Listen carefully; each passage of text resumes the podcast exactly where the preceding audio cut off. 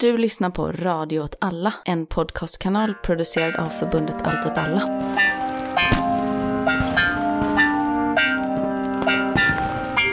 Välkomna till Radio åt allas eh, nyårskrönika med redaktionen, eller i alla fall delar av den. Eh, och jag heter Johanna, vanligtvis hör du mig i Vad händer Gbg? Och med idag har vi Hanna. Hej, jag brukar höras i What's Uppsala. Och Myran.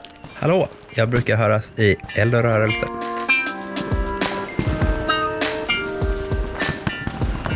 Ja, och vi är ju då redaktionen för Radio åt alla. Vi har åtta poddar i nuläget. Fyra lokalpoddar. Göteborg, Malmö, Stockholm och Uppsala. Sen har vi också Eld och rörelse. Vad är, vad är taglinen? Udda, krig och perspektiv. Men alltså det är väl att vi pratar om geopolitik mycket och eh, krig särskilt, eller ja, väpnade konflikter. Så liksom. Ur ett vänsterperspektiv och försöker fundera och spekulera mycket. Och också kanske rapportera om aktuella liksom, händelser och ibland då de som kanske är lite underrapporterade och bortglömda på något sätt. Ja, och så har vi också en podd som heter Värdet av pengar som handlar om ekonomi, eh, rekreation, eh, som eh, handlar om, ja, vad handlar rekreation om? Det är väl en teoripodd mestadels. Det tycker jag man får säga. Och sen så har vi Motståndets natur som det är vår klimatpodd. Vad skulle du säga Hanna om eh, vad är poängen med eh, lokalpoddarna? Ja, poängen med lokalpoddarna är väl egentligen att vi vill eh, lyfta lite mer det lokala på perspektivet på politik. För det är ju kanske någonting som inte pratas så ofta om i vänstermedia generellt. Så då tittar vi lite mer på vad som händer i de städer där vi bor och vad, vad som sker där rent politiskt. Det är väl också ofta rapportering från så här vad som har hänt i kommunfullmäktige och hur absurt det ofta går till. Och liksom, jag tänker att det är inte ens en rapportering som finns. Den, den saknas inte bara i vänstermedia, den saknas i svensk media överhuvudtaget. Liksom. Så det finns väl ganska återkommande att olika så här politikintresserade högerpersoner även lyssnar på våra lokalpoddar bara för att få liksom skvaller och skoj om kommunfullmäktige. Mm. Ja, alltså det, det, är ju en konstig grej i Sverige att i många andra länder så har man ju så här högre förtroende ju längre ner man kommer. Alltså man har störst förtroende för kommunpolitiker och minst för staten typ. Men i Sverige så är folk ganska ointresserade av kommunpolitik och har inte så högt förtroende för kommunpolitiker heller. Nu kanske inte vi direkt bidrar till att skapa större förtroende men i alla fall högre kännedom om kommunpolitik. Verkligen. Men ja, hur har ni ganska nya redaktioner nu? Vi har utökats till fem personer. Det är väl lite expansiv period då för Radio Tella? Eller vad skulle ni säga om året som gått för radion? Ja, alltså jag, sk jag skulle säga att radion har ju blivit kanske ännu mer stabil under 2023. Vi har ju dels fått Motståndets natur som är en ny podd, men mycket har det handlat om att också se till att våra poddar fortsätter ge ut material regelbundet och eh, höja kvaliteten istället och liksom peppa varandra till att fortsätta podda. Ja, jag håller med helt och eh, tänker just det att liksom, eh, det blir mer och mer struktur på det. Så det blir mer och mer en faktisk poddradiokanal över det och inte bara liksom ett gäng poddar i samma namn. Nej, tanken är väl lite att man ska kunna kolla sitt flöde och se att det kommer en ny podd varje måndag och torsdag minst från Radio Tella. Så man vi vill inte göra någon besviken genom att utebli utan vi har ju försökt bygga upp tydligare struktur och tydligare schema och så. Så det är ju kul. Jag tycker det känns jättekul att man är i projekt som växer liksom och som har en riktning, känner jag. Ja, jag håller med. Ja, ni får ju bara fler och fler lyssnare. Så det är svinkul. Precis, har ni kollat på vår Spotify Wrapped för poddare? Nej. Det finns tydligen en sån. Det sa bara att vi hade växt och fått typ 42 procent nya lyssnare och sådana saker. Ooh. Så det var kul. Vi var också populära i Australien. Det är sånt som gör att man inte helt litar på Spotify, men visst. Ja, Surferdudes älskar Radio alla såklart. Mm. Vi välkomnar givetvis alla demografier till vår podddjungel.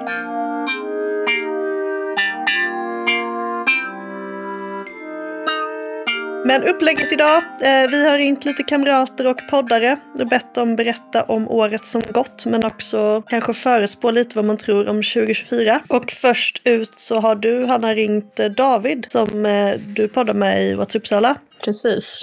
Ja, alltså vi är ju en hyfsat ny podd också egentligen. Vi började redan 2022 men då hann vi inte göra så jättemånga avsnitt. Men i år har vi som många andra fått lite mer rutin på det där också. Så det är väl någonting som vi har jobbat ganska mycket för att faktiskt hitta vår egen stil på det. Vi har väl pratat ganska mycket om egentligen kommunpolitiken för det händer ju rätt mycket där nu med ett eh, lite instabilt vänsterstyre tillsammans med, eh, nu glömmer jag bort vad de heter, måste jag nästan kolla upp det. Men, eh, Det är inte, det är inte han som heter Robert Hanna? Nej. ja, precis, Stefan annat. Hanna. Stefan, ja. Robert Hanna är väl han liberalen i riksdagen som alltid har de sämsta takesen på allt. Han, jag tror han är göteborgare. Men ja, oavsett. Ja, nej, men det är ju ett lite instabilt eh, politiskt styre, vänsterstyre i Uppsala med utvecklingspartiet Demokraterna som leds av Stefan Hanna som tidigare var centerpartist men blev utkickad därifrån. Så det är ju lite, lite kaos hela tiden känns det som med hur de ska få igenom saker och olika deals. Så att, eh, vi har ju pratat ganska mycket om hela spårvagnsdebaclet som har pågått under året. Och eh, det är ju egentligen det stora projektet som är med Uppsala, att de försöker ju, eller de vill ju bygga ut Uppsala och det finns ju väldigt mycket olika åsikter om hur det ska göras, om man ska bygga en jättestor ny miljonprogramsstadsdel eller om man ska försöka satsa mer på landsbygden i Uppland. Så att Mhm. det är en ganska stor sån här konflikt som pågår i nästan allting som det ska fattas beslut om. Men det, nu använder du, alltså det känns som begreppet miljonprogram är ju lite så illa konnotationer i Sverige men eh, är det så man pratar om det i Uppsala också att man, eh, att man inte vill att det ska bli som liksom 70 och 60-talets miljonprojekt så att det kommer bli en stadsdel som lite hamnar utanför och förfaller sen? Eller är det mer liksom framåt anda att man ska bygga massa bostäder och det är fett och det är kul? Ja, alltså det är ju mycket mer den stilen skulle jag säga. Det är ju mycket mer en tanke om att här ska den nya medelklassen bo i Uppsala. Eh, väldigt mycket den här nya typen av stadsbyggnation med eh, massa olika kaféer och eh, restauranger och liksom saker som man kan ägna sig åt i sin egen stadsdel. Men då är det ju väldigt mycket ett snack om att det kommer ju vara människor som har råd att bo där som flyttar dit. Så det är ju hela tiden en marginalisering av människor som kanske inte har samma inkomst och vart ska de kunna bo någonstans i Uppsala. Så det är väl ganska mycket av samtalsämnet.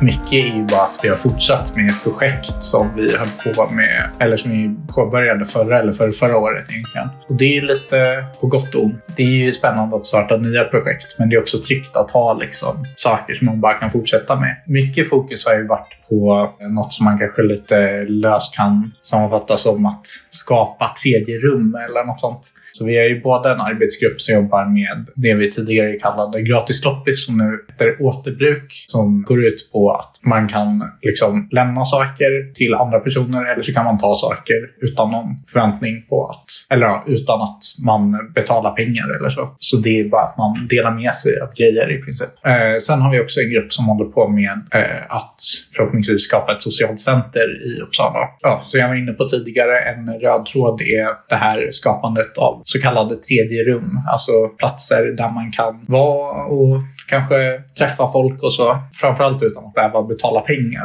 så som det ganska mycket nu, liksom, att man ska vara på ett café eller så. Anledningen till att vi tycker att det är intressant kan ju vara att vi upplever att det inte finns så mycket sånt i Uppsala. Det finns ju visserligen till exempel Ungdomens hus och Kulturhuset Femman och Kulturhuset Leoparden och så. Men eh, jag tror att det är något som många känner ett behov av. Alltså jag tror specifikt att det kanske inte finns jättemycket sånt i Uppsala, men jag tror också att det är en trend i liksom samhället i stort. Man blir liksom mer isolerad och att det finns liksom färre självklara vägar för hur man ska göra för att träffa folk eller bara så här ställen där man interagerar med främlingar. I förra nyårskrönikan sa jag att vi hoppades på att det skulle bli en omröstning för spårväg och att vi skulle kampanja för eh, ja-sidan då, att vi ska bygga spårväg eller hur det nu var formulerat. Men det blev inte av det här har vi till exempel poddat om, om man är i Mm. WhatsApp-sala, om man är väldigt nyfiken. Eh, Sammanfattningsvis, det som hände var att folkomröstningen var tänkt att vara tillsammans med EU-valet för att man skulle spara pengar för att det är liksom mycket lättare än att ha en separat folkomröstning. Eh, men då hade det blivit så sent så att då hade vi liksom missat planerna för när vi hade behövt bygga spårväg. Så det blir bara spårväg i slutändan och istället en väldigt oklar omröstning i samband med EU-valet om hur staden ska byggas ut. Eh, som ja, kanske inte är lika spännande att delta i. Men eh, vi har ju fortfarande en kollektiv trafikgrupp som försöker jobba på olika sätt med gratis kollektivtrafik som någon slags ultimat mål.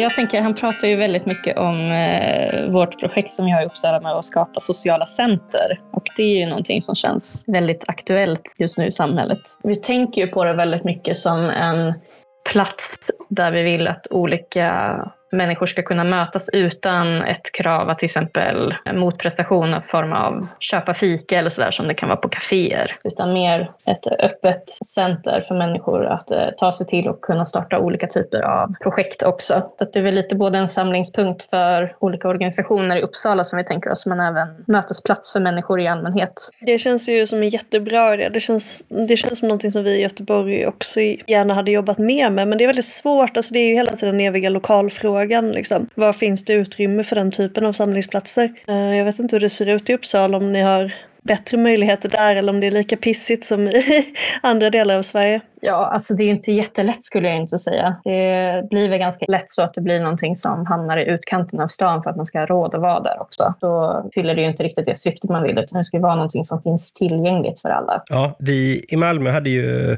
en lokal som liksom låg ganska centralt på Möllan och så, där vi också sa att vi hade ett socialt center och sen så kom det igång precis i pandemin där liksom. Lyfte ju aldrig supermycket liksom, men det var ju ändå, det fanns ju lite den här tendensen att folk kunde droppa in liksom och träffa andra och vi hade lite sådana verksamheter som så här typ en egen öppen förskola-grej, liksom, alltså, eller föräldraträffar på något sätt. Så. Sen så blev vi, förlorade vi den lokalen och har en ny lokal nu. Och jag tror mycket bara att den ligger i en källare, den här nya lokalen, gör att det blir mycket svårare med det här liksom spontana indroppandet och liksom att den har, har den här eh, sociala centerrollen. Då måste man ha lite tur med hur det klaffar kanske, eller kanske satsa mer än vad vi har gjort på att faktiskt få det att ha den här sociala funktionen. Så nu har vi mest en schysst möteslokal istället. Jag tänker att det är också viktigt alltså att, man, att man någonstans vill ha en lokal där man har ganska stor frihet. Jag vet att i Göteborg så har ju till exempel Victoriahuset som är så här jättecentralt, jättefint hus i centrala Göteborg eh, som eh, då ägs av kommunen. Där är det jättemånga föreningar nu som riskerar att behöva flytta för att hyrorna har liksom höjts. Men det är också den här aspekten att när man kanske stöter på politisk patrull, alltså jag vet att till exempel Syndikalistiskt forum som är ett bokcafé i Victoriahuset, när de har fått liksom eh,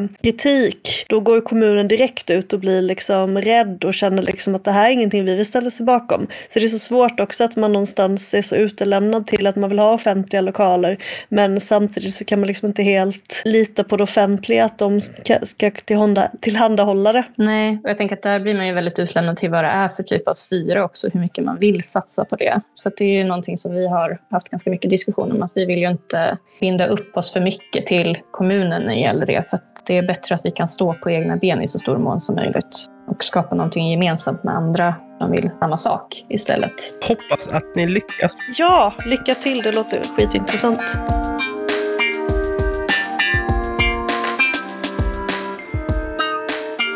Då har vi vår nästa poddare som blivit uppringd, Pontus från Värdet av pengar. Precis. Pontus och Li driver ju då den här podden där de pratar om eh, värdet av pengar, om, om ekonomin på olika sätt. Båda är ju forskare som forskar på ekonomi på ett eller annat sätt. Så de kan ju ofta väldigt mycket om alla de där sakerna de snackar om på ekonominyheterna som man inte riktigt fattar själv. Det har varit eh, för mig väldigt givande att lyssna på dem under året som har gått. Ja, det känns som att det finns så himla stor... Eh, det är så hög tröskel till att liksom kunna saker om ekonomi, så det känns viktigt att liksom jämna ut lite kunskapsnivån överhuvudtaget inom vänster inom ekonomi. För ibland så känns det som att ekonomi utmålas som en så mycket svårare fråga än det är på något sätt. Det är ju skitsvårt, alltså det är jättekrångligt men det är också så viktigt att eh, om vi vill liksom demokratisera ekonomin också att vi inom vänstern lär oss mer om ekonomi. Så därför tycker jag det är skitkul att vi har den podden. Mm. Nej, jag håller med. Jag tycker också att det är väldigt skönt att kunna lyssna på några som kan förklara det på ett sätt som känns relevant. Och inte heller liksom ställer upp alla de här klyschorna som ibland presenteras om hur det måste vara i ekonomin. Liksom. Jag tycker det är någonting de ofta säger, att all, alla regler på något sätt för hur nationalekonomi är upplagt och funkar och så är mest bara påhittade, liksom, att det inte behöver vara som det är.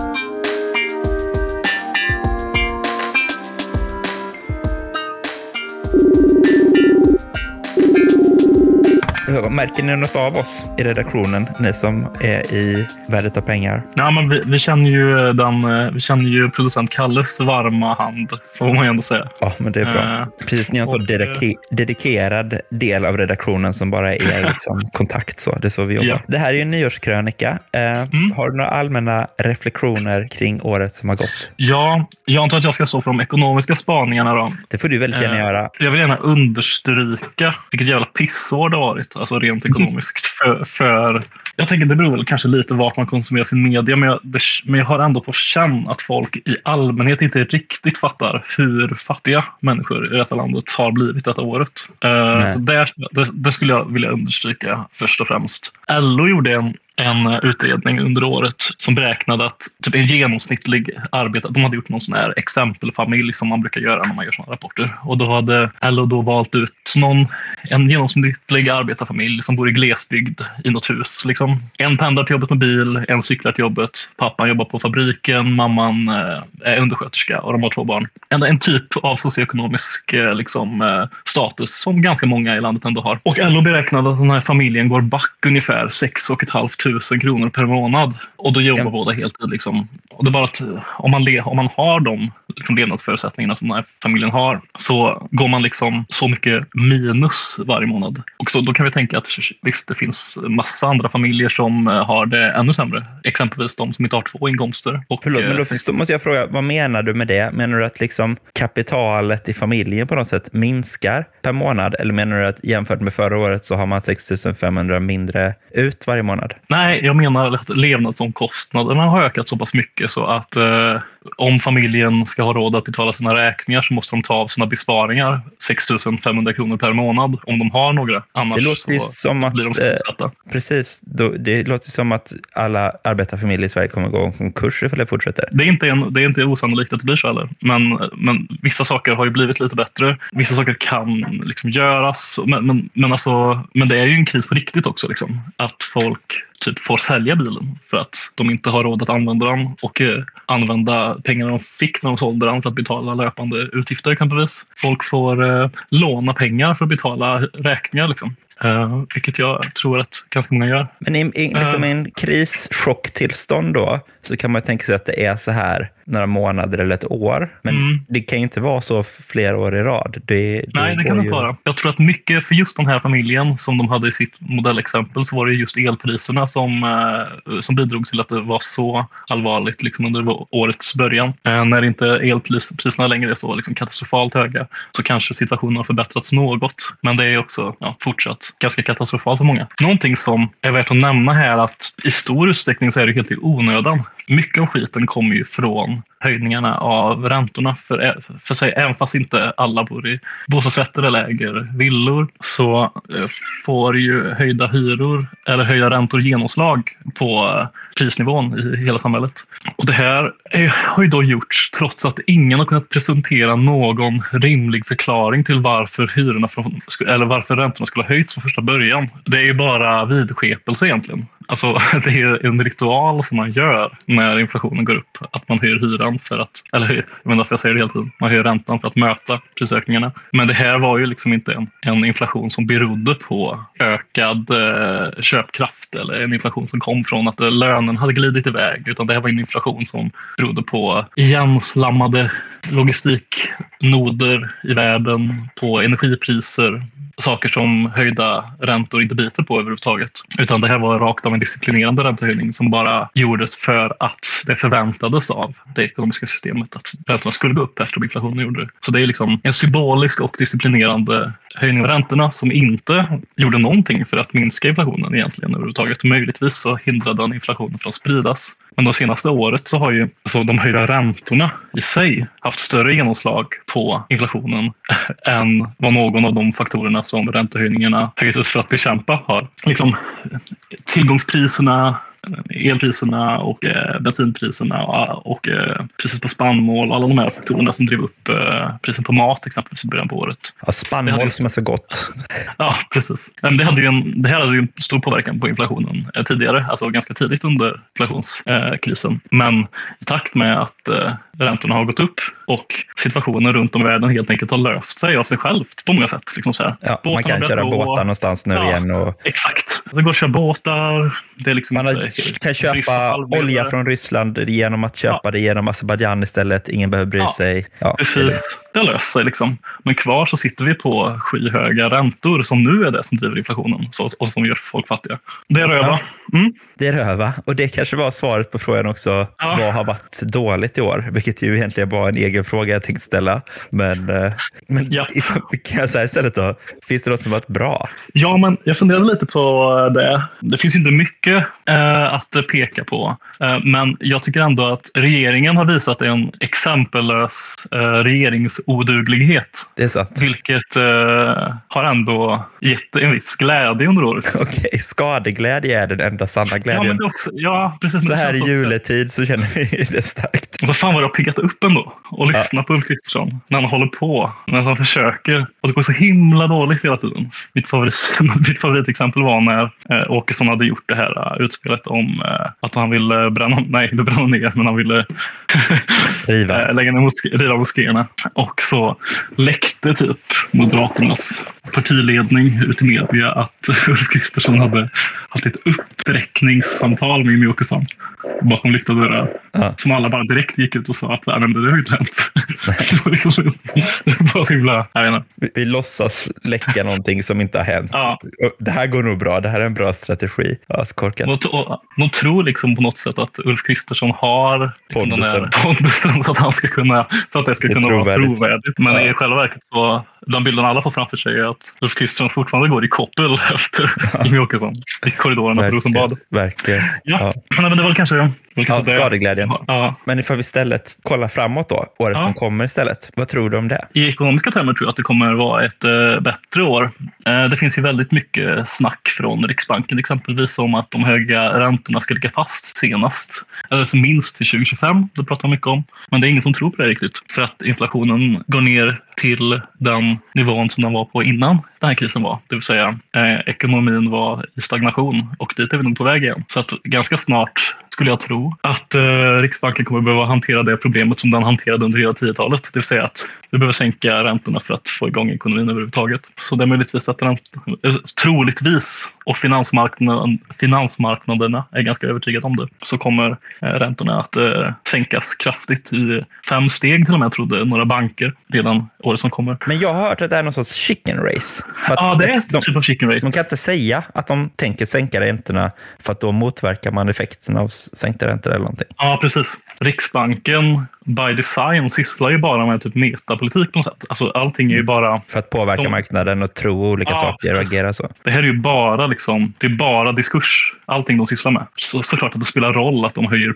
höjer kostnaden för kapital på marginalen, men den stora, liksom, det stora grejen de gör är ju att försöka leka med sin egen trovärdighet. Det vill säga Ja. att enda sättet som en räntesänkning på riktigt kommer ge dem effekten de vill, det är ju genom att de använder sin trovärdighet när de säger att de inte kommer sänka dem, men så gör de det ändå. Men problemet är ju att om de gör det för mycket, då har de inte den trovärdighet- trovärdigheten kvar på sikt som gör att allt det här funkar från första början. De, de behöver kunna ljuga, men de får inte göra det för ofta för då, då är det ingen som tror på längden från första början och då blir det verkningslöst. Typ. Men Sniff, sniff, pure Ja. ideology. ja, det är en hög dos. Hög dos ideologi. Ja, men vad sa du? Att, och då, då tror du att resultatet blir ändå att Ja, men jag tror, att de, jag tror att de kommer sjunka. Eh, för att, dels för att det är liksom inte realistiskt för att vara 5% räntan är. De, de ska ju följa ett, eh, de har ju ett prisstabiliseringsmål så att de ska ju hålla en inflation på 2% Om inflationen är lägre än så så måste de ju försöka få igång den. Och inflationen är redan nere på 2% igen om man skalar bort eh, räntorna som de själv eh, har Okej. adderat till. Så inflationen är borta mer eller mindre. Skulle man Jaha. rensa inflationsbotten- Ja.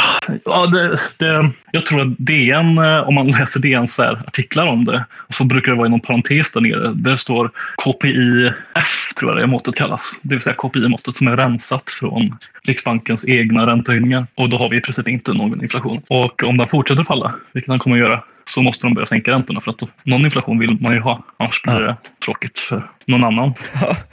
Det är väl lite goda tecken om man Ja. har lån. Vad, vad tror du, ifall man tänker så här klasskampen då? Ja. På den Ja, men, ekonomiska eh, vetenskapens grund? Får jag ändra mig och säga en riktigt bra sak? Ja, verkligen. Bra. Ja, eh, en riktigt bra sak är att eh, LO-facken använder sin makt för att fixa saker. Hela den här konflikten som eh, har eh, utblåsat först liksom, i, runt Klarna och sen också i samband med eh, Tesla visar ju på att när det väl handlar om avtalens vara eller icke vara så finns det liksom ingenting som eh, LO-facken eller ens tjänstemannafacken de skulle kunna gå över lik för att se till att de avtalen tecknas. Och det, Ja. det är väldigt kul att se faktiskt och att det finns den nivån av styrbarhet och eh, den förmågan att mobilisera när det väl krävs. Jo, men Det samtidigt är det inte lite ja. så, en annan inringare eller en annan uppringd ha- har sagt tidigare att är inte det bara det absolut minimala vi borde kunna förvänta oss av fackföreningar, att de så här försvarar sitt eget intresse? Jo.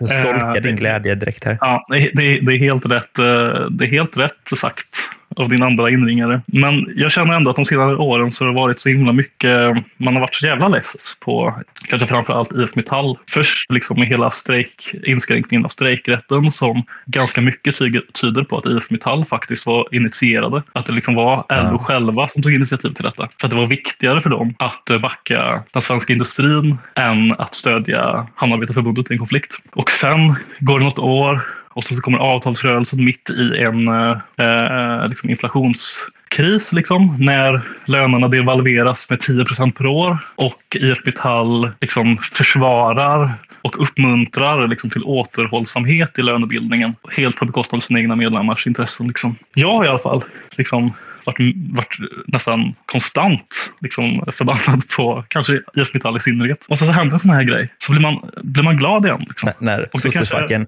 håller så Ja. hårt i sitt monopol över den svenska arbetsmarknaden.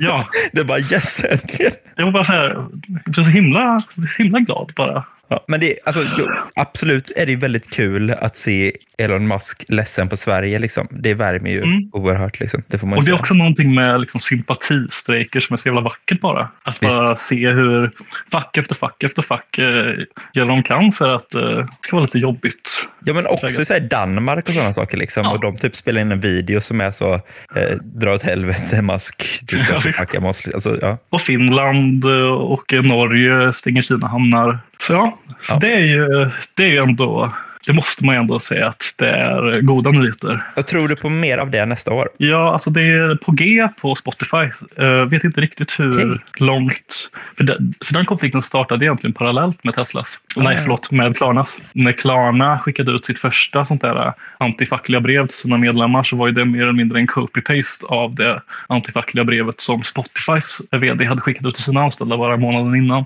För de har ju också en fackklubb som håller på att försöka organisera arbetsplatsen. Men den liksom, interna mobiliseringen eller organiseringen har bara inte kommit riktigt lika långt så att det har blivit eh, varsel av det. Men jag tror att Spotify, nu när de har facit på hur det gick för Klarna, så förhoppningsvis så kanske den processen blir lite enklare. Ja. Men de, är också, de vägrar ju också liksom, teckna avtal. Men det är ganska svårt för dem för att det finns ju också ett sånt stort ideologiskt motstånd på de här företagen när folk liksom är inte så här antifackliga eller strejkbrytare av egenintresse som kanske migrantarbetskraften som strejkbryter på Teslas eh, servicecenter är. Utan folk som bara är antifackliga och strejkbryter av rent ideologiska skäl. För att de tycker typ att kollektivavtalen är till för latmaskar som inte vågar satsa typ. Det är Ja. ja. den typen av antifacklighet. Nej, men det är så här, nya tidens företag som har blivit stora möter nu liksom den här gamla tidens fackföreningar och det är en intressant Ja, precis. clash här. Så, men, det, men jag tänker väl att eh, det finns också lite andra exempel på eh, i den privata vårdsektorn så finns det psykologfacket är eh, inblandade i lite konflikter som också kan ta en liknande vändning. Liksom, när de, också eventuellt kommer strejka sig till kollektivavtal. Så det börjar hända lite saker liksom, på tjänstemannasidan kanske främst.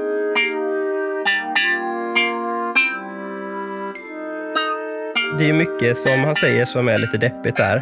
Men det är peppigt det här med strejkkänslan i alla fall. Ja, jag tycker verkligen det känns som en så här Sagan om ringen-grej. Alltså den mimen har väl varit överallt på internet verkligen, men liksom att eh, de här stödåtgärderna, att det verkligen är att alla sluter upp när facken väl kör. Det tycker jag känns ganska uppfriskande. Att få se i liksom ett ganska strejkfattigt Sverige. Precis, i strejkfattigt Norden till och med då, så blir det liksom Mm. full fart. Vadå, återberätta en av de här memesen då. Men det är lite som den här liksom, du har min yxa, du har den här alltså, Sagan om ringen-grejen liksom. Att alla fackförbund sluter upp och med sina vapen för att liksom krossa Tesla. Fackens brödraskap. Okej, du skulle inte slåss vid sidan av en dansk, men utav en strejkande liksom. Ja, exakt, exakt så är det.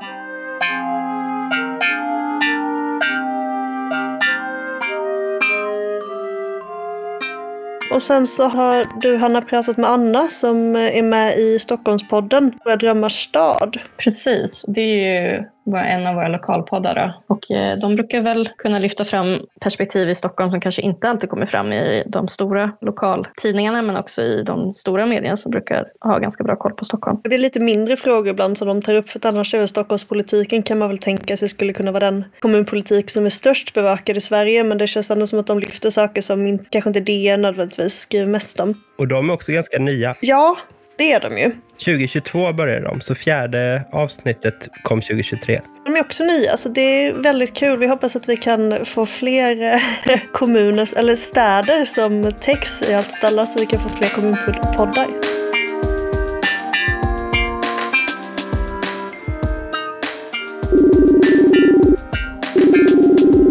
Alltså den stora följetongen eh, under året har vi ju varit eh, pendeltågen och MTR. Att man ville ta bort eh, tågvärdarna. Just nu står det still. Vänta, jo så heter det. Nej men eh, det var väldigt peppigt att se att, att så många stockholmare stöttade lokförarnas strejk och sådär. Och de fick ju in, eh, vi försökte kolla upp det här nu, alltså över två miljoner till sin strejkkassa alltså, och sådär. Och nu är det ju den stora grejen att eh, SJ har ju tillfälligt tagit över driften av tågen. Men just att regionen kommer ju utreda liksom, om de kan ta över driften i egen regi. I budgeten var det så här, vi ska särskilt överväga pendeltågen för att man vill ta över något trafikslag då i egen regi. Eh, men däremot så har de ju inte lovat att ta tillbaka tågvärdarna utan istället så är det ju det här systemet då att man har kamerorna som knappt funkar och det kommer ju snö på dem eh, så man ser ingenting om man kör ett tåg. Det sämsta som det här eh, vänster-mitten-styret har gjort då är ju såklart att förra året höjde de ju hyrorna i allmännyttan med 4,45 procent och sen i år har man gått ut och krävt 7,8 procents hyreshöjning. Och det är ju liksom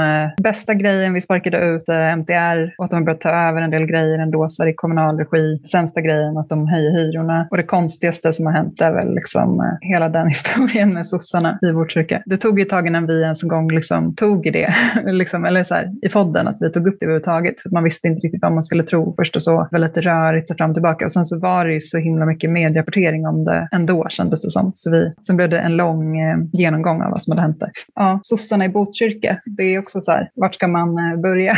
det var lite mycket konspirationsteorier där från, från sossarna mot andra sossar. Så det var lite konstigt att följa. Alltså något som vi nämnde i förra poddavsnittet är att eh, de ska testa att, eller de ska börja liksom kolla på om de kan införa sex timmars arbetsdag på förlossningarna. Och det gäller all personal som jobbar på förlossningen, inte bara barnmorskorna utan så här undersköterskor också. Alltså alla pratar om så här tidiga insatser hela tiden med ungdomar och psykiatrin och sånt. Och också så här tidiga insatser i skolan, alltså vad som ger effekt mot liksom att eh, ungdomar halkar snett och så, allt sånt där. Men det är lite svårt kanske när man spelar in en lokalpodd och så här, ha koll på vad som funkar där egentligen och så och vad som bara är liksom snack och så. Men det vore lite spännande att prata med någon som jobbar lite mer med sådana frågor. I alla möjliga frågor så är det väldigt mycket så här att det känns som att så här, det är ja, men de som jobbar i skolan som ska upptäcka ett problem så tidigt. Och samma sak alltså med kriminalitet så var det ju, det var helt sjukt när vi läste de här valprogrammen, det var ju förra året då, men, nej, men eh, hur mycket alla ville satsa på så här tidiga insatser. Det var ju som att de skulle typ så här, eh, börja förhindra gängkriminaliteten typ redan på BB kändes det som. Mm. Alltså det var verkligen så här, olika hembesök och så här, eh, alltså det är säkert bra. Det var bara lite absurt vad de eh, tävlade om, vem som kunde fånga upp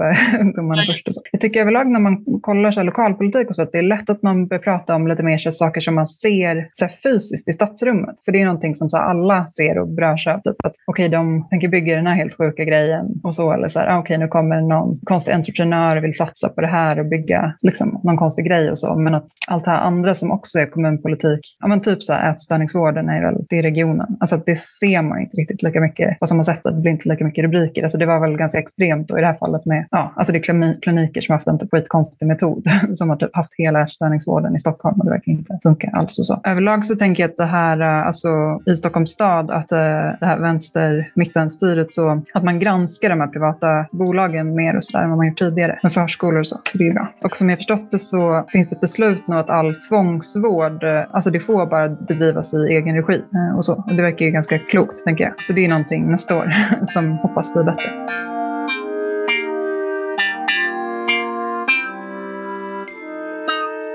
Det jag tyckte var intressant eh, som Anna pratade lite om är ju hyresförhandlingarna nu inför 2024 men också 2023 har ju varit verkligen att allmännyttan i alla stora städer eller överhuvudtaget satt en, eh, ett förslag på höjd hyra som är liksom hur många procent som helst, minst 5 procent i alla städer. Då spelar det liksom ingen roll att de största städerna har ett rött styre för att Socialdemokraterna sitter i förvaltningen och sitter i liksom de kommunala bolagen och allmännyttan och där sätter man jättehöga hyresbud samtidigt som hyresgästföreningen som också är typ sossedrivet ska förhandla ner det. Det blir väldigt konstigt sätt som eh, allmännyttan eh, fungerar tycker jag, som lite belyses i det Anna pratar om.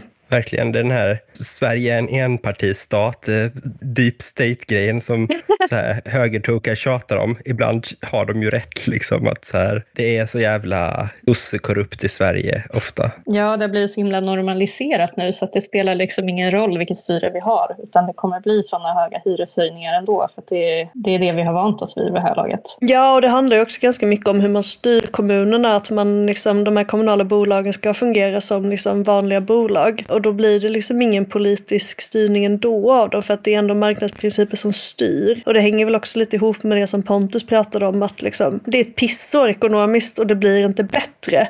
Det är ju knappast som att vi får 8-procentiga löneökningar nästa år direkt. Det är väl kanske någonting man kan se tänka sig om 2024 om man redan nu ska spekulera att det kommer ju, barnfamiljer kommer ju ha det tuffare liksom. Ja, verkligen. Som Pontus var inne på där också med hur liksom en LO-familj i praktiken går back i år. Liksom. Ja, och, alltså, det, det är väl någonting som, ja, det är väl ganska basic liksom vänsterpolitik att bostad ska vara en rättighet. Men det är någonstans där som den absolut största liksom, faran ligger i när man inte har råd längre. Det är helt, ja, det är pissigt. Det är piss. Mm. Det är piss. Men apropå piss, Ja. lite bajs kanske vi ska snacka om. Ja, precis.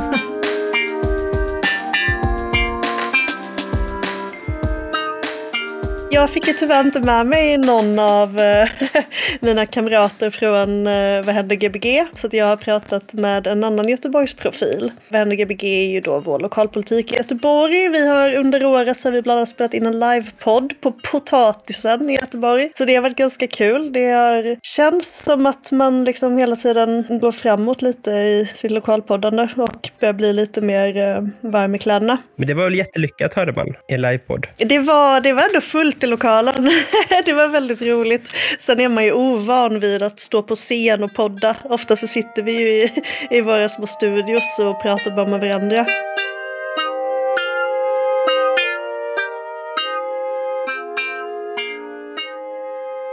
Ja, jag har ringt Sebastian Rudolf Jensen i alla fall, som är en konstnär i Göteborg som då har eh, blivit ganska uppmärksammad under året eh, för att de har haft en installation på Götaplatsen i Göteborg som heter Drömmarnas monument som han kommer berätta mer om.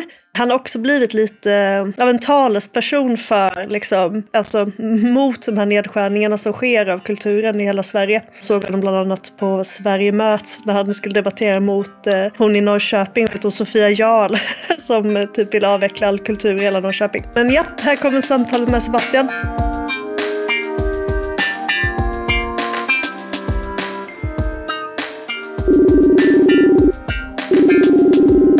Men det är väl konflikternas år på liksom lokal, nationell och internationell nivå. Det är en väldigt eh, dynamisk och väldigt eh, spänd tid vi lever i. Så det tycker jag väl sammanfattar 2023 på något sätt.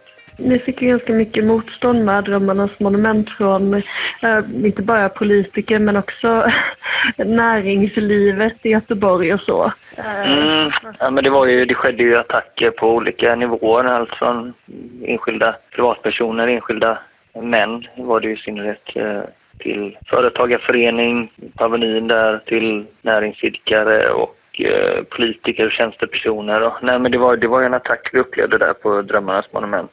Men det var också en väldigt stark gemenskap så att det är väl det som också är i sådana här tider som livet ställs på sin spets på något sätt. Det blir på riktigt. Så det är väl både liksom en, en upplevelse av polarisering men också en, en känsla av gemenskap också. Vad skulle, om du skulle bara sammanfatta Drömmarnas monument för folk som kanske inte är från Göteborg eller har så bra koll på kulturpolitik? Ja, men det, var, eh, det var ett konstprojekt som, eh, som var en social skulptur eh, och en tre månader lång manifestation för, för kulturlivet i Göteborg. Så vi, vi byggde en, en 264 kvadratmeter stor eh, konstinstallation på Götaplatsen i Göteborg som vi bodde i. Först bodde jag och en annan eh, konstnär som heter Karl Norén var tanken att vi skulle bo där i fyra veckor i början då i sträck med min hund Timmy bland annat. Så att eh, det var det vi började med. Och sen eh, tanken var att det skulle vara en allmän plats eller en öppen plats så folk skulle kunna komma och gå. Men redan tredje dagen så blev jag misshandlad av en man. Och sen så dök det upp mer och mer attacker så då blev det som att vi byggde murar. Eller det blev.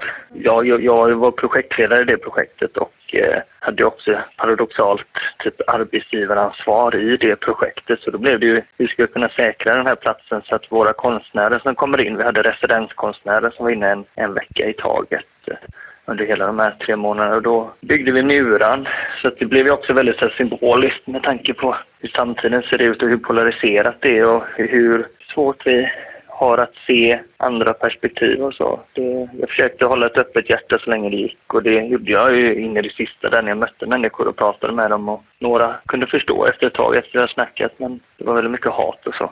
så att, men det var allt från fina möten till dåliga möten. Men det är väl så ett en mötesplats också är på något sätt. Men det är när det går över till våld och hot och sådär så är det väl det är det på något annat sätt. Ni att ni fick någon typ av stöd från olika delar av samhället eller var det ganska tyst från jag tänker, politiker och så i och med att du blev misshandlad? Det är ändå ganska grovt att bli misshandlad som... Ja, nej men pol pol polisen var ju med oss hela polisen stöttar ju oss, verkligen. Alltså, jag hade ju sökt tillstånd. Det var ju flera under hela projektet och fortfarande tror att det är, tror att det är liksom en ockupation, en olaglig ockupation. Men det var ju någon form av laglig ockupation som vi hade gjort. Vi sökte tillstånd och fick det. Sen kanske det, eh, vi avvek rätt rejält från eller så inte avvek. Vi, vi tände lite på gränserna på, på vad som stod i tillståndet på något sätt. För det var ju också det fanns ju en idé om att vi ville skapa en, en vild organism som kunde växa fritt för en stund. Och utifrån den liksom, verkbeskrivningen så kände vi oss... Vi följde ju verket, om man ska säga. Och det, det är väl lite det som konstprojektet också ville visa på att vi kan, staden kanske inte alltid ska byggas uppifrån med en en plan. Redan med, den, med det perspektivet och den idén så lägger vi en kontroll på människor och, och så. Men om istället folket skulle bygga underifrån, då kommer det en konflikt och en krock med föreskrifter och olika lagar och, och sådär. Hur, vad skulle du säga generellt, hur har liksom villkoren eh, för konst och kultur sett ut 2023? Det känns som att det varit ett ganska svårt år att verka liksom, som kulturutövare eller att överhuvudtaget mm. kulturen. Så mycket har ju stängts igen eller blivit hotat på andra sätt. Ja, men jag tycker att det blir det, det, det är ett väldigt mörkt år tycker jag för kulturen men också för liksom yttrandefriheten och alltså det, det känns som att eh, snaran eh, dras åt. Det känns som att varenda gång jag tittar på nyheterna så är det något nytt som inskränker på individens frihet att uttrycka sig och, ja, jag, jag, det, och det, jag, inför 2024 så känns det som oj vad, vad kommer hända liksom? Vad, vad är nästa steg och hur, hur, hur, hur gör en som konstnär liksom i det här läget? Jag tror att konstnären, konstnären kommer bli viktigare och viktigare under de här kommande åren nu när jag upplever att vi har en fascistisk regering som drar åt snaran på något sätt. Och sen, jag vet inte, jag, jag tänkte lite på det inför det här samtalet just att när, Ulf Kristensson delade den här playlisten att han, att han är en Swiftie och att han, att han ja men det, det, det, för mig blir det, det blir så obehagligt att att han, att han är, lyssnar på popmusik. Och han, han, springer, han är väldigt aktiv på sociala medier och så här trevlig och glad. Men han är, det är den, han är den farligaste människan vi har i Sverige just nu. Vad tänker du att, hans, eh, pop, att popmusiken säger om liksom, vad kopplingen mellan Taylor Swift och eh, hans blåbruna politik? Nej, men han är väl en medlöpare. Han är väl, ja, det är ju det som jag tror den farligaste människan eh, i en grupp är ju den som står bredvid och typ eh, inte sätter ner foten. Alltså Jimmy Åkesson är mobbaren. Jag tror att eh, de som står bredvid och låter mobbaren agera är ju de, det är de farligaste människorna. Jag hörde, hörde ett, ett radioprogram som handlade just om eh, kulturklassen och medelklassen under 30-talet i, i Tyskland. Att de bara ägnade sig åt liksom sina egna interna konflikter och eh, lät eh, att det var någonstans deras skäl eller deras orsak varför Nazityskland kom till makten. Och jag tror alltså en, en sån person är ju farligast skulle jag nog säga. Den här mobbaren borde egentligen liksom, folket borde ju krama mobbaren och säga att ta det lugnt, det är ingen fara, det kommer bli bra. Det är Ulf Kristersson som är den riktigt läskiga figuren tycker jag. Något sätt. Mm. Han är så vek, mild. så det, Ja, han Det- det på ett obehagligt sätt. Ja, och, tror det. och sen då när han kommer in och säger att han är en Swiftie, då blir det ju, ja, det blir, det, det, det, det är mörkare än mörkast. Alltså, han får sluta dela sina playlist tycker jag. Skrämmer hela svenska folket. Men nu ska vi se. Men jag kan väl fråga i alla fall om, för det var ju, det blev ju lite mer riksnyheter sen eh, med Drömmarnas monument när eh, det plötsligt skulle bli sålt och Mm. ni hade lite konflikter.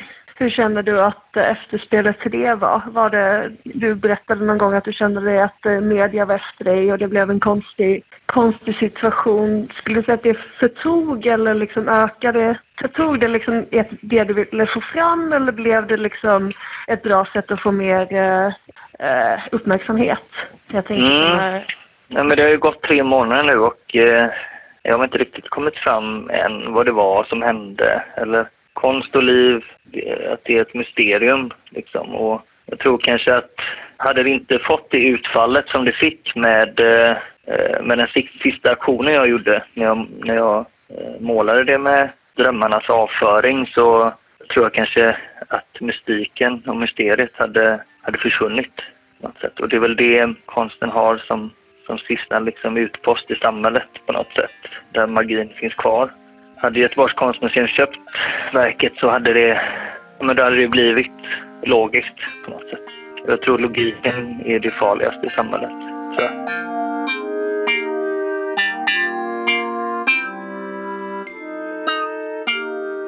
Någonting jag tycker är väldigt kul det är det Sebastian pratar om att Ulf Kristersson är en Swiftie. Alltså att han la ut på sin, han la ut sin Spotify Wrapped i november där det visar sig att Ulf Kristersson älskar Taylor Swift. Och det tycker väl Sebastian verkar tycka att det är så här verkligen det yttersta beviset på en själlös individ, tolkar jag det. Jag vet inte, hur viktigt tycker ni det är att eh, politiker har deras kulturvanor? Hur, hur viktiga är de rent politiskt skulle ni säga? Jag saknar ju den här eh, Bruce Springsteen socialdemokratin. Jag tycker den känns stabilare. Men Fredrik Reinfeldt och Dabas, eller vad var det? Ja. Jag, menar, jag tycker det ofta brukar vara det här själlösa på något sätt. Det kanske inte är det viktigaste för mig i alla fall. Men kan man inte tänka sig dock att det kanske är en del av det som gör alltså, typ Jimmy Åkessons framgång är lite att han är, står för vad han gillar för musik ganska helhjärtat. Ultima Thule alltså. Ja, exakt. Att det ändå, det, är tro, det är ju trovärdigt liksom. Ulf Kristersson vet inte fan om han bara hade lagt till ett artister som, som skulle framstå som harmlösa. Nej, visst, det ligger väl kanske något i det. Det kanske är, det är vad, är bas och överbyggnad här? Nej, det är sant i och för Thule sig. och rasism liksom. Ja. Vill vi ha en höger som lyssnar på Wagner istället? Det kanske vi inte vill.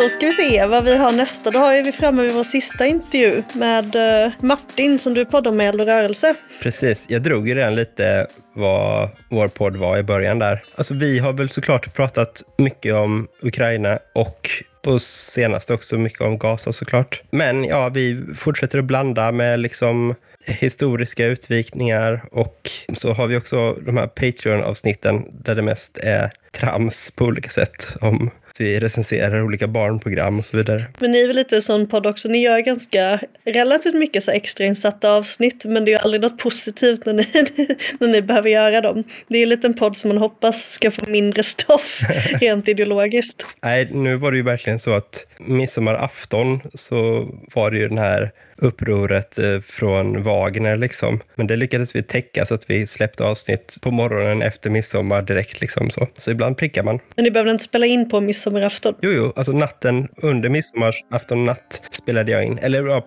på morgonen då, alltså klockan fyra på morgonen eller någonting efter midsommar spelade jag in. Är det en jävla gedigen insats ni gör i alla Ja, fall? väldigt dedikerat. Ja.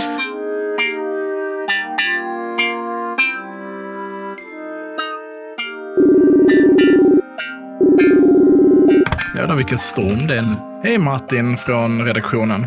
Ja, jag förstår att, eh, att ni eh, vill ha lite så glädje, pepp, framtidsanda. Jag kan nog inte bjuda på så mycket sånt. Eh, jag känner väl att 2023, eller specifikt med den avslutning vi fick eh, med eh, kriget mot Gaza efter 7 oktober-händelserna, så känner jag väl att det känns rätt mörkt alltså. Och det är som att det lägger ett, liksom ett mörkrets skimmer över resten av 2023. Så när jag fick den frågan inför det här så kände jag så, ja vad fan vad bra med 2023.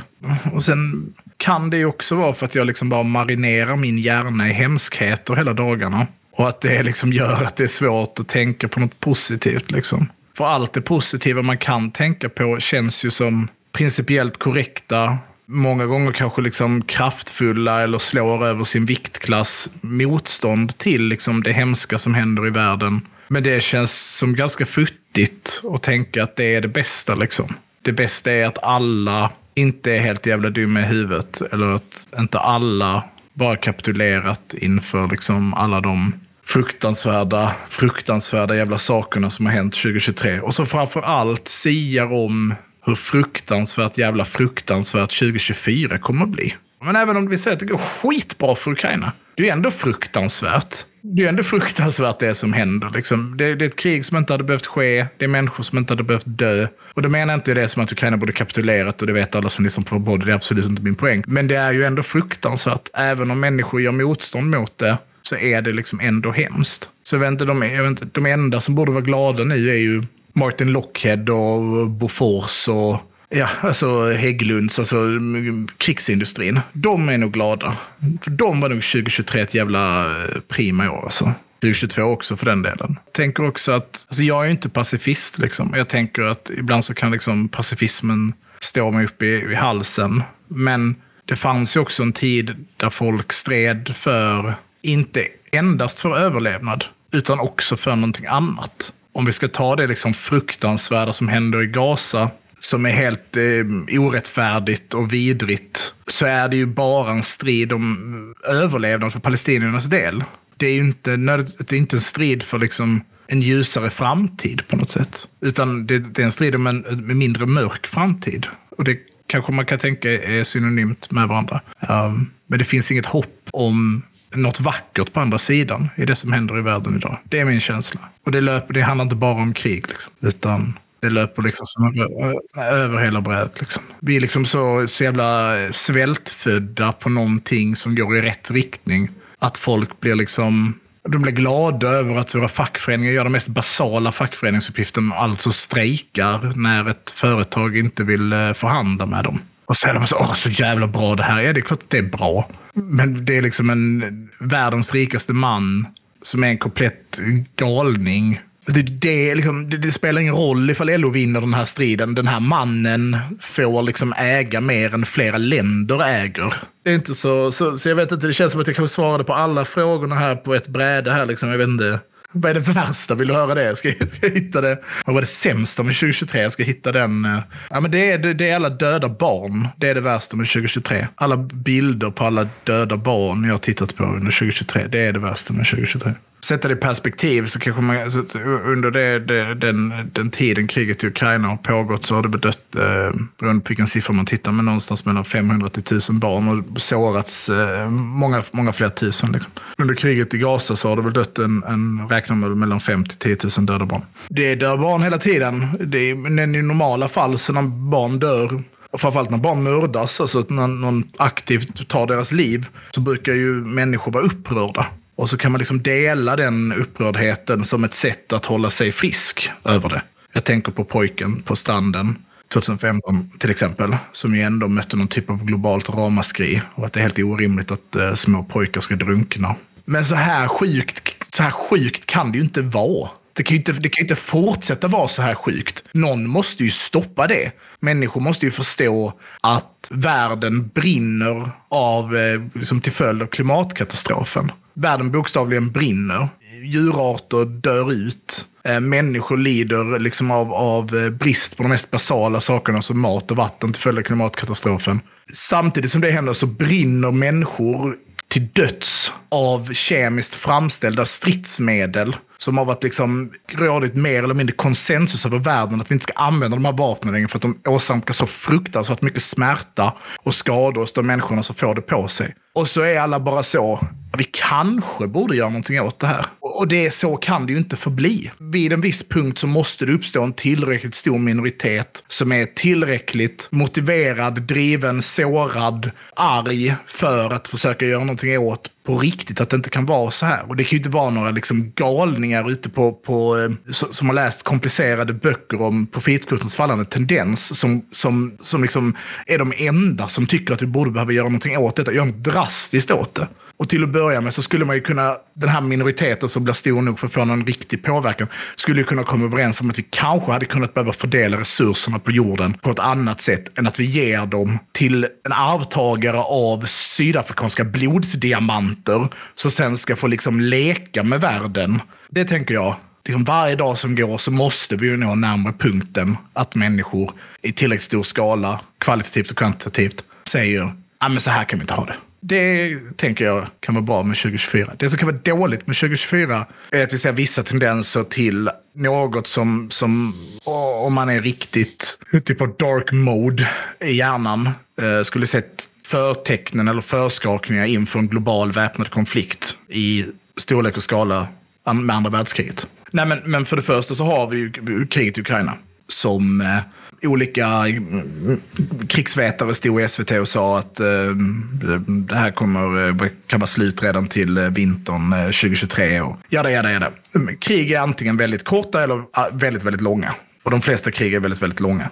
Ibland är de superkorta. Men de kan i enkelhet delas upp i de här två kategorierna. Och mycket tyder på att kriget i Ukraina kommer bli ett mycket långt krig. Och ju längre ett krig pågår så blir har ju liksom också insatsen på något sätt för vardera sida blivit högre och högre. Alltså det du förlorar när du förlorar upplevs vara högre. Eh, det är spelteori. Liksom att, att det är lättare att lägga sig med sina kort i en poker, på poker ifall du har puttat in lite pengar i potten. Och det blir svårare för varje gång du puttar in mer. Och både Ukraina eh, och med sina liksom stödnationer Eh, puttar ju in mer och mer, även om Trump väl har utlovat på något sätt att de ska frysa det eller inte kommer fortsätta om han vinner valet, vilket jag tror att han kommer göra. Så puttar ju också Ryssland in mer och mer resurser. Och än så länge är ju detta ett lokalt krig på det sättet att det inte sprider sig. Men vi har ju en annan faktor i den här leken som ju är i, liksom i den, den globala geopolitiska konflikten som finns mellan USA och Kina. Eh, Kina har ingen anledning att ta hård ställning i den här konflikten. Historiskt sett är Kina och Ryssland inga nära vänner. Tvärtom så har de direkt motsatta intressen i vissa frågor. Men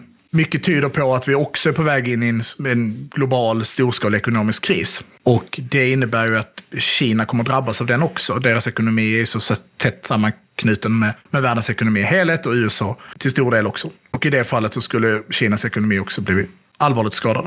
Och länder som får sin ekonomi allvarligt skadad tenderar till att försöka, eller länder, ledare i de här länderna, tenderar till att vilja hitta sätt att påverka opinionen eller på något sätt försöka erövra nya resurser för att kunna stärka sin ekonomi. Jag säger väl att vi kanske börjar se skakningarna, framförallt då med den växande konflikten i Mellanöstern, som, som kan med lätthet med Netanyahu med, med samma liksom, situation som Kina fast i någon typ av mikrovariant. Där den, Israel, Israel har liksom, ekonomi har gått allt sämre den senaste tiden. Han hänger jävligt löst vid makten. Det var ju storskaliga protester och har en väldigt hård krigslinje mot Iran. Iran och Kinas relationer är närmare, ja, och så vidare. och så vidare. Liksom, det finns en risk att de här konflikterna krokar samman i varandra. Och inte minst då finns ju den risken i och med att Trump eventuellt vinner valet i USA. Vilket också skapar liksom en instabilitet i världen. Jag är ingen, såklart inget Biden-fan. Liksom. Det är helt sinnessjukt att de har en senil president i världens mäktigaste land har, har en president som inte kan tänka klart. Liksom.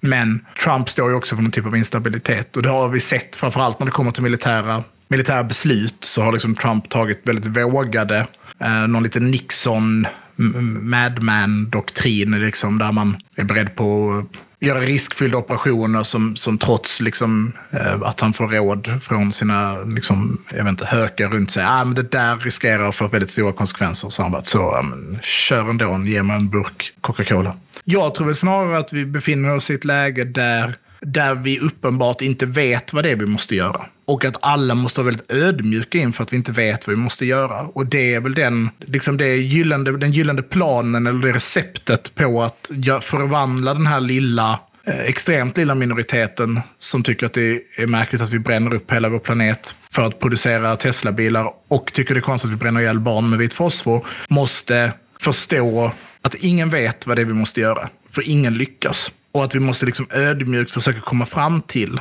hur vi omvandlar oss från att vara den här lilla minoriteten till att bli någonting mycket, mycket, mycket större. Och det tror jag bara man kan göra genom att, att kanske släppa på många av de traditionella idéerna, det bagaget man har med sig och försöker liksom angripa världen och de frågorna vi står inför med lite mindre skygglappar. Och sen så, vad det innebär rent konkret är att jag har ingen jävla aning om vad man ska göra. Och någon måste berätta det för mig. Och med det så kommer det att man, att man måste sluta liksom slåss som hungriga hundar. Nu, nu pratar jag med vänstern om vänstern generellt. Liksom. Men att man måste sluta slåss liksom, som hungriga hundar om, om de här liksom små, små spillrorna av jag vet inte, legitimitet eller eh, radikalism eller vad det kan vara. Liksom. Och, och där tror jag man behöver titta mer på högern och tänka de håller liksom inte på på det sättet. De är beredda på att släppa vad som helst. De, de kan byta åsikter hela tiden. Alltså, det, det, jag säger inte till det det man ska göra. Men framför allt så slåss de inte inom sin egen sfär på det sättet. De har ett mål och sen angriper de det målet kollektivt på något sätt. Utan att liksom lägga så jävla mycket tid på att eh, bråka med varandra. Och jag tror att ska man liksom kunna ha den här ödmjuka förhållningssättet och komma fram till vad det är som behöver göras så tror jag att man definitivt behöver sluta göra det. Inte som i att alla ska eh, gå med i något konstigt gemensamt politiskt projekt, utan alla får göra sin sak och försöka göra det så bra som möjligt. Och den som har rätt och gör rätt kommer få rätt och så får alla hänga på det. Bli Patreons, eh, inte bara för Eldorörelsens skull, utan för att Radio Alla ska kunna skapa fler poddar.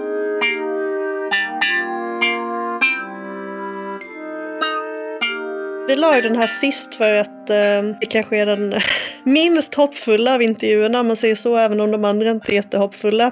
Men det är väl någonstans där vi befinner oss nu när vi avslutar det här året. Med att det är piss och jävelskap och barn dör i, i horder. Liksom. Jag vet inte riktigt. Vad tror ni när vi börjar nästa år? Kommer vi liksom kunna vända den offentliga debatten kring kriget i Gaza? Vad är högerns gräns liksom, för döda barn innan man faktiskt börjar liksom sluta upp unisont för en vapenvila? Jag vet inte vad deras gräns är, men någonstans tänker jag att man kanske ska tänka att sådana här vändningar brukar komma liksom ganska hastigt kanske. Att det, det når liksom en brytpunkt och sen så vänder det. Ifall det ser som mörkast ut just nu så kanske den är runt hörnet. Ifall man ska liksom ha något eh, måla upp någon positiv bild för sig själv ändå. Liksom. Ja, för jag tänker, eh, han är ju inne också på det här med alltså flyktingkrisen 2015. Att liksom de här bilderna på Allan Kurdi när han skälldes upp på stranden. Att det, det blev ju någon typ av vändpunkt i liksom människor organiserade sig för flyktingar. Sen vände det också. Men nu pumpas det ut så jävla mycket fruktansvärda bilder och det känns aldrig som att någon bild riktigt liksom fastnar i det allmänna medvetandet heller.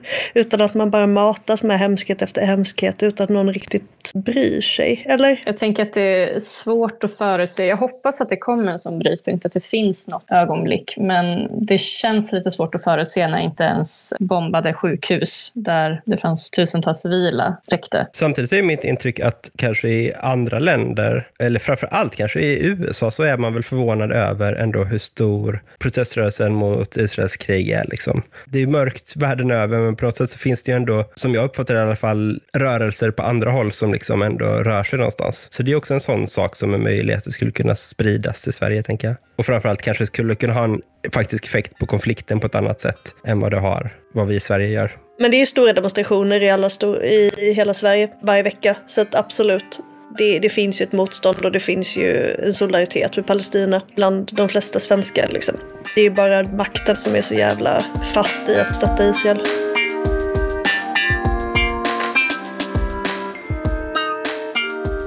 Okej, ska vi gå vidare till att säga lite om 2024 då för radion? Vad har vi på gång? Ja, vi har väl fortsatt arbete med att liksom utveckla strukturer och sånt. Men vi har väl också lite så nya grejer, till exempel att vi ska ha en poddkonferens. Det kommer bli svinkul.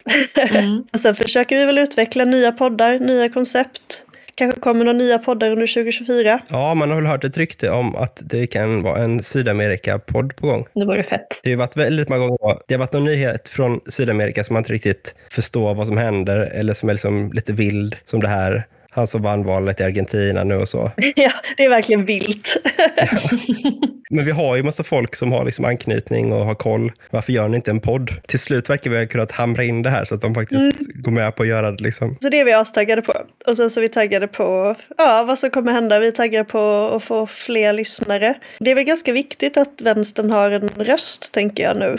Ja, det är ju ett ganska dåligt medieläge för vänstern också med de här mediestödsförändringarna och så. Nej, men regeringen har ju kommit med en ny proposition nu för eh, mediestöd och eh, då går en stor del av stödet till rikstäckande pådagstidningar bort från det här. Så att det skulle bli ungefär 76 procent av stödet som försvinner till 2029. Nej, men precis, och där har vi en fördel ändå genom att vara den här helt eh, ekonomiskt oberoende medien. Att vi gör ju det här ideellt nästan helt och hållet och sen så de pengarna vi får in använder vi till att liksom utveckla radion och köpa in lite klippning. Men eh, vi drabbas ju inte av det här. Även ifall vi tycker det är förjävligt liksom, att många bra tidningar gör det, så kanske vi får se det också som en morot för att eh, steppa upp och hålla kursen och se till att det finns liksom oberoende vänsterröster. Ja, men jag tänker att de allra största, liksom de flesta av de stora dagstidningarna är ju verkligen borgerligt ledda. Så då blir det ju väldigt viktigt att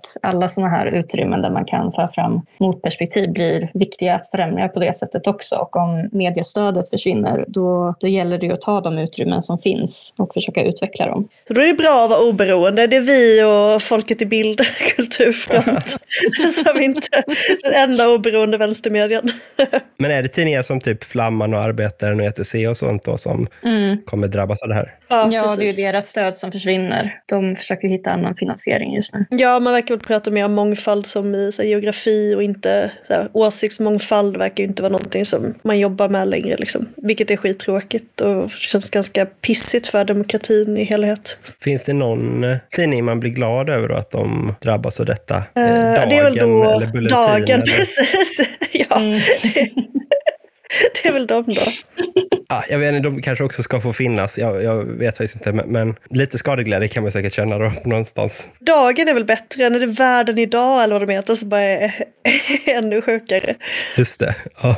ja. Men toppen, då har vi väl spelat in det här avsnittet då. Nej, men jag vill också säga att vi är ju då Allt åt allas radio och jag tycker också att Allt åt alla haft ett riktigt starkt år i år. Och man har gjort mycket roliga nya saker. Den här konferensen i Malmö som var i samband med Arbetarfilmfestivalen tyckte jag var jättepeppig också varit imponerad på avstånd av era olika ockupationer och sådana saker i Göteborg. Tyckte jag var roligt. Ja, vi har ju så jävla mycket på gång jämt i allt åt alla. Det är skitkul. På tal om medier så fick ju vi, vi eh, fick ju ut den, den här filmen när Ulf Kristersson nästan säger folkmord samma kväll. Så att vi är uppe i 2,4 miljoner visningar. Wow. Eh, den har publicerats i medier i hela världen. Så det är också sådär sjuk grej som kanske man bara plötsligt så får man liksom genomslag för någon liten grej och hinner inte själv med vad som händer. Så det är skitkul att vara en del av samhället på riktigt. Liksom. Ja, verkligen. Det är väl det här också med att bara, ifall man gör mycket saker och rör sig, till slut kommer de där ögonblicken och då har man chans att ta dem liksom, och bryta igenom. Precis, jag tror inte vänstern ska försöka hitta liksom att, jag tror inte det handlar om att man ska hitta en sak som är perfekt och som ingen kan liksom säga emot, utan jag tror att man måste prova sig fram och det är lite så vi jobbar att alla. Vi testar och sen så ibland så går det skitbra och ibland blir det inte jättemycket, men det är inte, det är inte hela världen om inte allting blir eh, den största nyheten liksom, utan vi prövar oss fram och det är kul och vi har det gött gött liksom, under tiden. ja, ju mer man prövar desto mer känner man ju också igen när de där ögonblicken kommer. när Man kan göra någonting riktigt bra av det. Verkligen. Ja, men verkligen. Ja, men eh, ska vi säga gott nytt år och eh, tack för det här året så ses vi nästa år. Eller hörs. Det gör vi verkligen. Gott nytt år. Ja, det gör vi. gott nytt år. Hej.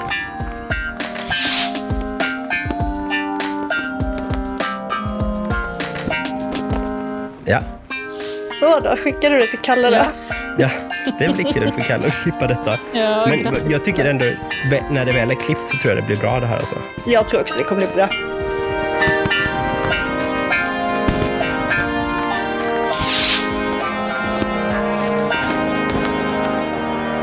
ja jag, jag tror att det blir helt okej det här.